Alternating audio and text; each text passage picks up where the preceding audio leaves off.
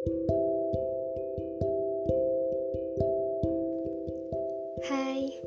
hari ini tepat tanggal 23 April 2020 Salah satu apa ya nyebutnya? Support system kali ya?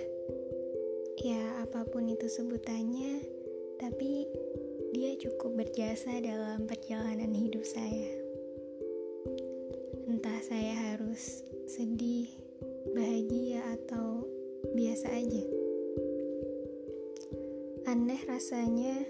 mengucapkan selamat di saat umurnya sebenarnya berkurang.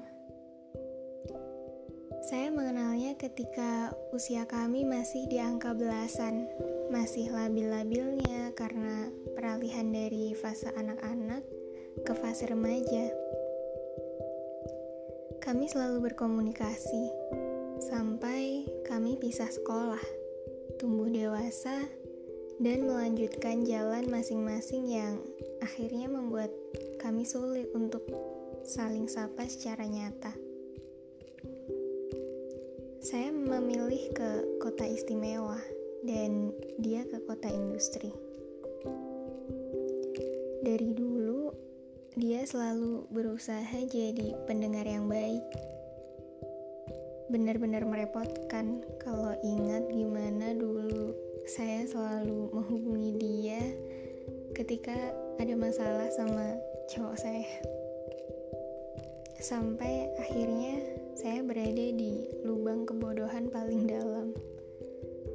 Sulit banget rasanya buat baik-baik aja ketika waktunya ujian sekolah dan ujian nasional tiba.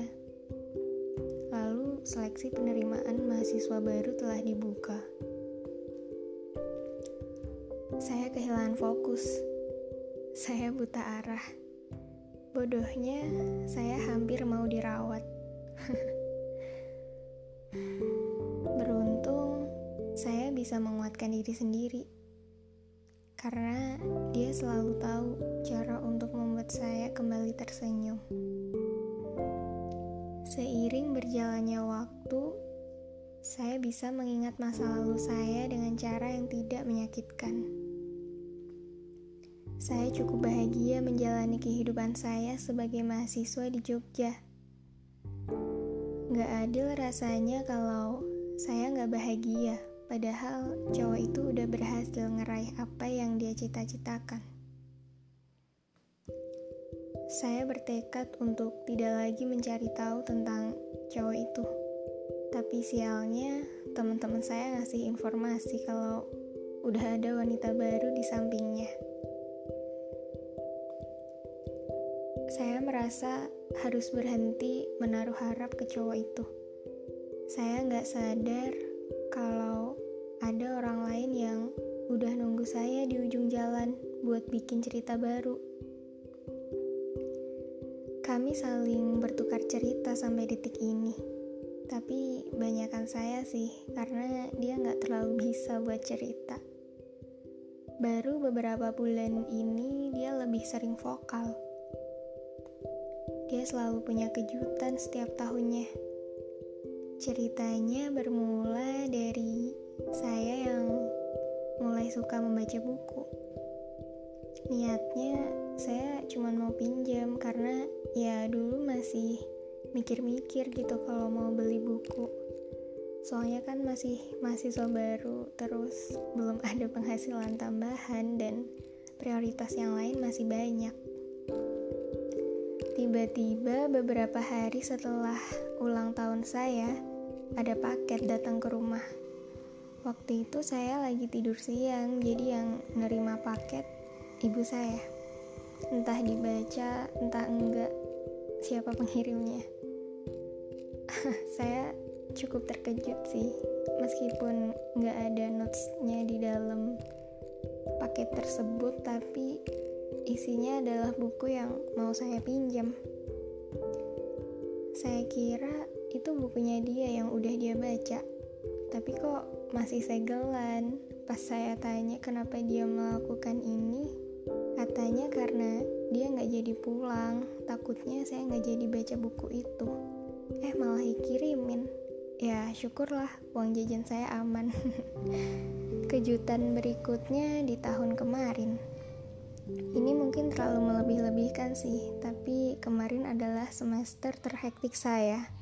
Iya, karena saya yang belum pandai memanajemen waktu ini hampir aja kewalahan. Jarang menemui malam di kamar kosan, sering balik kos dini hari. Duh, padahal kos saya ada jam malamnya. Oke, okay, back to topic. Dia tiba-tiba ngirim album salah satu penyanyi favorit saya. Dan kali ini pakai notes. Ya lumayan lah ada peningkatan. Oh ya setiap saya lagi capek banget sambat terus dia bakal bilang kamu hebat kasih selamat dulu buat diri sendiri. Setiap saya nangis juga dia bakal bilang yang intinya nangis aja nggak apa-apa nggak usah ditahan. Setiap merapi erupsi juga pasti ditanyain kok saya aman apa enggak ya lah perhatiannya sama bangunan dong bukan sama penghuninya. Oh ya satu lagi. Setelah saya capek kerja karena waktu itu saya ngambil 12 jam per hari padahal normalnya 6 jam per hari dan itu berturut-turut hampir satu minggu. Ternyata di akhir pekan dia tiba-tiba ngirim tiket nonton. Lucunya sih dia mesen bangku sebelahan. Tanggal sama bioskopnya samaan waktunya cuma selisih 5 menit tapi lokasinya yang gak samaan. Ini udah kali kedua sih tapi emang yang terakhir kemarin ngepasin pas saya lagi pengen refreshing juga. Hmm rasanya dia udah jadi support system saya selama berapa tahun ya. Saya ngerasa beruntung aja sih dikelilingi orang-orang baik dan dia jadi salah satu di antaranya jatuh bangun saya waktu transisi masa SMA ke perguruan tinggi. Tahun 2019 yang penuh kejutan sana sini dia terus berusaha untuk ada. Seakan-akan ke mana pun saya berlari ke mana pun saya pergi dia adalah rumah tempat saya kembali. Aduh malu banget saya ngomong ini. Terakhir saya mau ngucapin makasih buat semuanya Makasih udah jadi salah satu proses pendewasaan saya. Saya mungkin gak bakal sampai di titik ini kalau saya gak kenal sama dia.